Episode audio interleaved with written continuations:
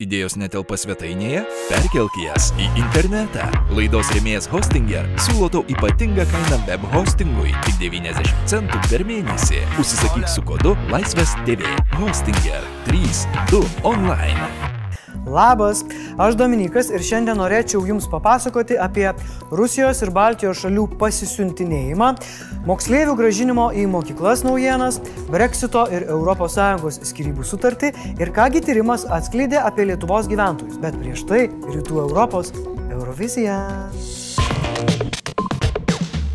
Hello Vilnius and 12 points from Russia go to Lithuania.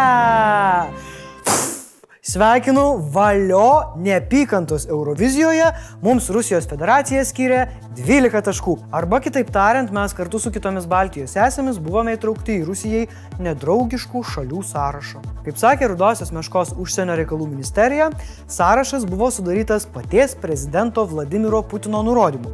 Rusija išsikvietė Baltijos šalių ambasadorius ir paaiškino, kaip interpretuoti Rusijos nedraugo statusą.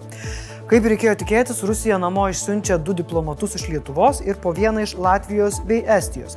Lygiai tiek, kiek išsiuntė Baltijos šalis. Rusija tai daro ne va dėl mūsų priešiško kurso jos atžvilgių, o mūsų užsienio reikalų ministerija ir toliau reiškia vilti, kad Rusija pakeis savo agresyvios užsienio politikos kursą. Rasija Piervai kanalo paskelbtame sąraše dar puikuojasi tokios Lietuvos draugės kaip JAV, Sakartvelas, Ukraina, Lenkija, Čekija ir Junktinė karalystė. Turbūt dabar prezidentė Dalia Grybauskaitė graužėsi nagus, nes dar per savo kadenciją vadino Rusiją teroristinę valstybę, tačiau į oficialų sąrašą nesugebėjo įrašyti mūsų šalies. Bet šis sąrašas tai yra visiškai simbolinis. Jame paminėtų šalių diplomatinės atstovybės tiesiog negali Rusijos teritorijoje samdyti darbuotojų. Čia visos pasiekmes? Rimtai? Na ir gal dar Putinas nekels ragelio, kai skambins mūsų prezidentas. Buvęs užsienio reikalų ministras Linas Linkevičius savo tvytę pasidžiaugė, kad patekimas į sąrašą reiškia, kad efektyviai kovojame su Kremliaus agresija. Iš tikrųjų tai yra tiesa. Mums čia vos ne kaip Oskarą laimėti. O Gabrielius Landsbergis sako, kad tokio atsako ir tikėtasi, tad jį vertina ramiai. Jis pabrėžia, kad priešingai nei iš šalies išsiųsti rusų diplomatai, lietuviai Maskvos nešnipinėjo. Ir kaip teigia ministras, nedraugiškų šalių sąraše būti nėra gėda. Man tai negėda. Lietuvos karo akademijos politologas dr. Gedrius Česnakas sakė, kad šis žingsnis yra pakazuha ne mums, o Rusijos liaudžiai. Jam pritarė Rytų Europos studijų centro vadovas Linas Kojala, sakydamas, kad Rusija siekia sudaryti įspūdį, kad ją iš visų pusių supa priešai. Priminsiu, kad čia yra Rusijos atsakas į Baltijos šalių namo išsiųstus rusų diplomatus. O šis išsiuntimas buvo atsakas į čekų diplomatų išsiuntimą iš Rusijos. Nu, o šis išsiuntimas buvo atsakas į rusų diplomatų išsiuntimą iš Čekijos, kuris savo ruoštų buvo atsakas į Rusijos teroristinius veiksmus Čekijoje 2014 metais. Jeigu mes viską supaprastintume, tai Maskva geopolitikoje vadovaujasi kalėjimo panetkėmis. Arba kalbant jų pačių žodžiais, kuriuos praėjusią savaitę skyrė mūsų užsienio reikalų ministrui hashtag SmallDickEnergy.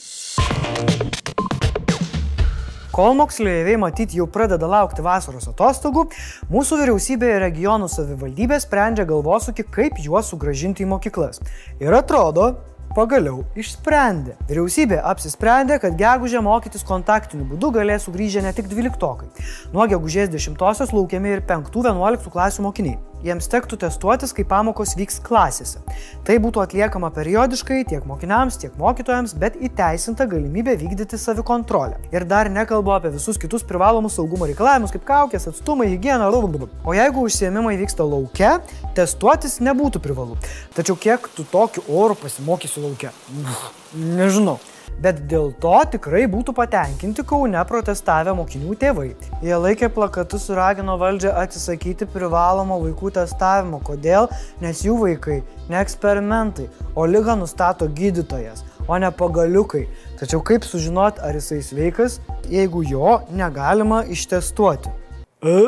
Ministrė Jurgita Šiukždinienė teigia, kad galutinį sprendimą, kaip ir nuo kada jos išleidžia 5-11 klases priims savivaldybės.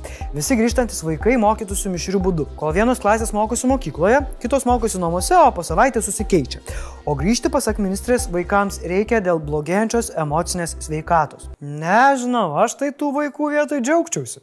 Jei mus žiūri ir esi vaikas, nepamiršk išeiti iš namų grino oro įkvėpti.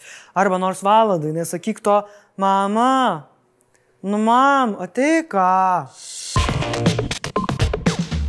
ES per langą išmetė paskutinius neištikimosios Junktinės karalystės daiktus ir padėjo tašką išsiskyrimui. Europos parlamente ratifikuota priekybos su Junktinė karalystė sutartis. Susitarimas patvirtintas 660 parlamentarų balsavus už, 5 prieš ir 32 susilaikius. Santokoje tai paprastai reiškia susitarimą, pas ką bus vaikai, kas gauna namą, o kas mašiną. O šiuo atveju susitarimas nustato, kaip judės prekės ir paslaugos, kiek ES turės teisų į Britų žvejybos vandenį vandenis bei kiek Britai dalyvaus įvairiose ES programuose. Save ir toliau apgaudinėdamas Britų premjeras sakė, kad ratifikavimas suteiks stabilumo Junktinės karalystės ir ES santykiams. O Europos komisijos prezidentė, kad čia yra du dalykai viename. But while today's vote is obviously an end, it is also the beginning of a new chapter. Win-win Iš tikrųjų tai lūz-lūz. Dar praėjusiais metais eksportas iš ES į Junktinę karalystę smuktelėjo apie 13 procentų, o importas apie 14 procentų. Šiais metais dar baisiau.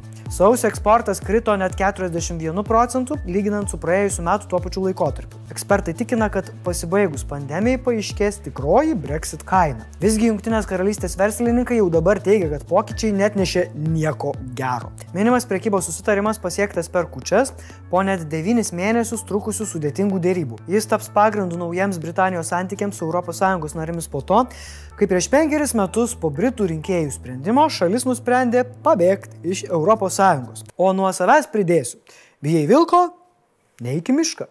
Nors šita patarlė gal čia nelabai tiksli, gal tiesiog nebūk durnas, prarasi babkės. Ok? Norite sužinoti, kaip lietuviai vertina savo gyvenimą? Pasitikė valdžia ar ką galvoja apie skiepijimą? Susirinkite arčiau ekranų, aš jums papasakosiu. Taigi, pagal naujausius Eurobarometro duomenis Lietuvoje gyvenančių ir savo gyvenimu patenkintų žmonių nuo prieš pandeminio laikotarpio iki dabar sumažėjo 3 procentiniais punktais. Palyginus su ES vidurkiu, didelę laimę mes nepasižymėjo. Tačiau optimizmas neblėsta ir lyginant su jau minėtų laikotarpiu padaugėjo žmonių tikinčių, jog artimiausi 12 mėnesių bus geresni tiek apskritai, tiek šeimos finansams, tiek visos šalies ekonomikai. Lietuvoje ir visoje ES išaugo laikančių sveikatos apsaugą svarbiausia problema. Jeigu anksčiau taip mane ko ne ketvirtadalis, tai šių metų žiemą šis procentas išaugo iki 40. Beveik kaip ES vidurkis. Suprantama, pandemija, lietuviai didelėmis problemomis taip pat laiko nedarbą ir kylančias kainas. Nuo 2019 Lietuvoje išaugo pasitikėjimas parlamentu, nors iki Europos vidurkio trūksta ir čia. Kad ir kaip būtų keista, išaugo lietuvių pasitikėjimas vyriausybė. Ir čia ES mes duodame skūrą. Labiausiai lietuviai pasitikė policija ir kariuomenė. O kaip lietuviai žiūri į vakcinavimą? Ir aš kalbu bendrai, ne tik apie tuos gerus ar labai blogus interneto komentarus. Taigi, pagal ES duomenis, 4 iš 10 lietuvių norėtų pasiskiepyti nuo COVID-19, kai tik bus įmanoma. Penktadalis tai norėtų padaryti dar šiemet. Įdomus lietuvių požiūris į vakcinavimą atsiskleidžia ir štai kaip. 65 procentai apklaustųjų sutinka, kad vienintelis būdas sustabdyti pandemiją yra vakcinavimas. Tačiau 67 procentai mano, kad tos pačios vakcinos yra kūriamos, išbandomos ir aprobuojamos per greitai, kad būtų saugios. Ir net 73 mano, kad šie skiepai gali turėti ilgą šalutinį poveikį, kurio mes dar nežinome. Net 70 procentų karantiną pateisino, bet trečdalis apklaustųjų sakė, kad jį iškesti buvo tikrai labai labai labai sunku. Manau, kad taip galvojo kur kas daugiau žmonių. Šis Eurobarometro tyrimas visose 27 ES valstybėse vyko šių metų vasario kovo mėnesiais. Nu va, ir iškart labiau savo piliečius pažįstam dabar. Mes irgi norim savo žiūrovus pažinti, todėl klausiu, ar jūs patenkinti pandeminiu gyvenimu? Ką manot apie vakcinavimą? Jūs parašykit, o mes paskaitysim. Plits naujienos. Dėl didesnio mirčių skaičiaus kaltas nepristabdytas medicininių paslaugų tiekimas dėl pandemijos. Ekspertai teigia, kad didesnį mirčių skaičių vis dėlto daugiausia lemia COVID-19 diagnozė. Kylant koronaviruso atveju kreiviai, kilo ir mirtingumas. Kitų mirčių perviršis nėra toks žymus. Atostogos Egipte per Seimo sesiją pažeidžia etiką.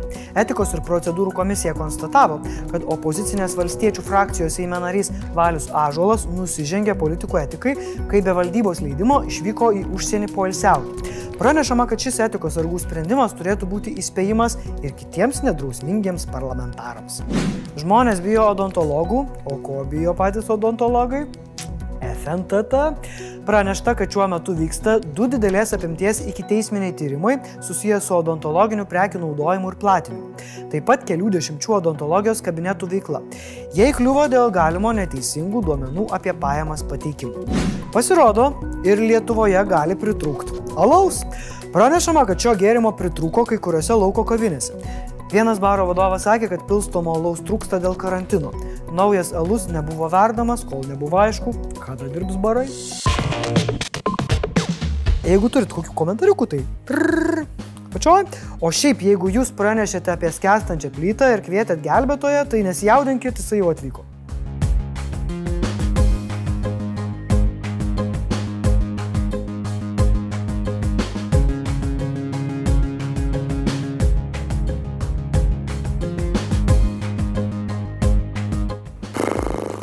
Nežinau, ką daugiau pasakyti. Šiandien tiek žinių.